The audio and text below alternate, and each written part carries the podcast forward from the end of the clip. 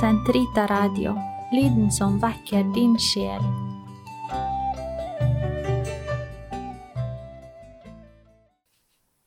Den katolske kirkes katekisme, uke 17, søndag, paragraf 2683 til 2690. Bønnens veivisere. En sky av vitner.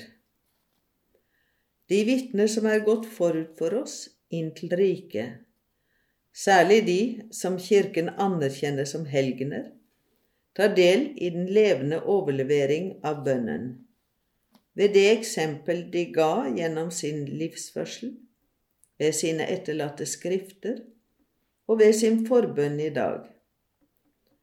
De skuer Gud, de lovsynger ham, og de tar seg uten opphør av dem som de har etterlatt på jorden. Da de gikk inn til gleden hos sin mester, ble de betrodd store ting. Deres forbønn er deres fremste tjeneste for Guds råd. Vi kan og vi bør se dem gå i forbønn for oss og for hele verden. Innenfor de hellige samfunn har det gjennom Kirkens historie utviklet seg ulike former for spiritualitet.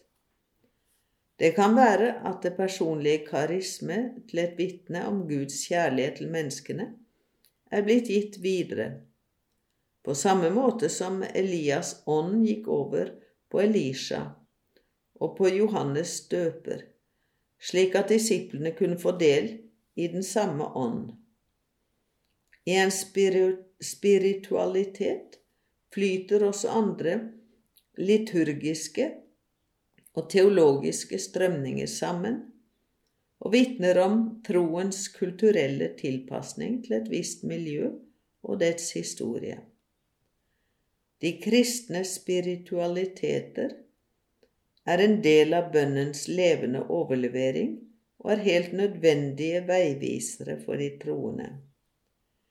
I deres rike mangfold bryter Den hellige ånds ene brytes Den hellige ånds ene og rene lys. Ånden er virkelig de hellige sted, og helgenen er Åndens eget sted fordi han byr seg frem for å bo med Gud og kalles Guds tempel. Bønnens tjenere. Det kristne hjem er det første sted hvor oppdragelse til bønn finner sted. Den er huskirken, tuftet på ekteskapets sakrament, hvor Guds barn lærer å be som kirke og være utholdende i bønnen.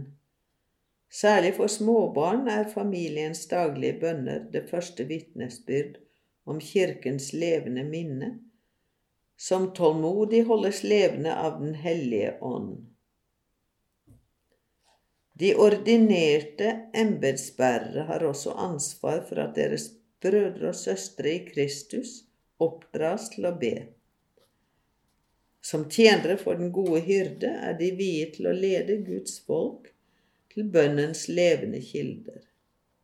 Guds ord, liturgien, det te teologale liv, Guds i dag i konkrete livssituasjoner. Mange ordensfolk har viet hele sitt liv til bønn. Like siden ørkenen i Egypt har eremitter, munker og nonner viet all sin tid til å lovsynge Gud og gå i forbønn for hans folk. Det vigslete liv kan ikke bestå og utbres uten bønn. Den er en av de levende kilder for kontemplasjon og åndelig liv i Kirken. Katekese for barn, unge og voksne har som mål at Guds ord skal bli grunnet over i personlig bønn, gjort levende i liturgisk bønn og til enhver tid bli inderliggjort, slik at det kan bære frukt i et nytt levned. Katekismeundervisningen er også det rette tidspunkt for å kunne vurdere og oppdra folkeframheten.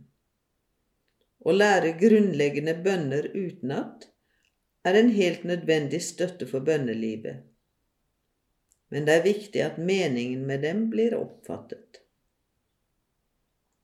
Bønnegrupper, ja bønneskoler, er i dag et av tegnene på og en av kildene til fornyelse av bønnen i kirken, forutsatt at de næres av den kristne bønns sanne kilder.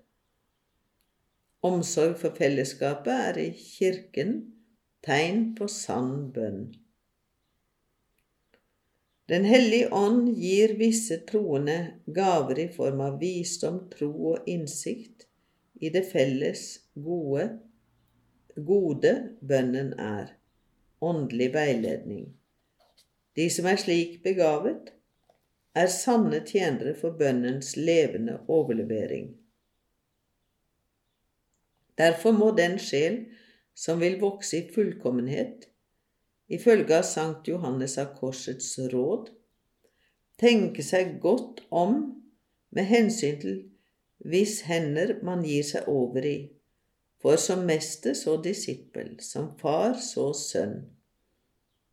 Og videre, veilederen må ikke bare være lærd og klok, han må også være erfaren. Og dersom den åndelige veileder ikke har noen erfaring fra åndelig liv, vil han være ute av stand til å veilede sjeler. Selv om Gud kaller dem, ja, han vil ikke engang kunne skjønne dem.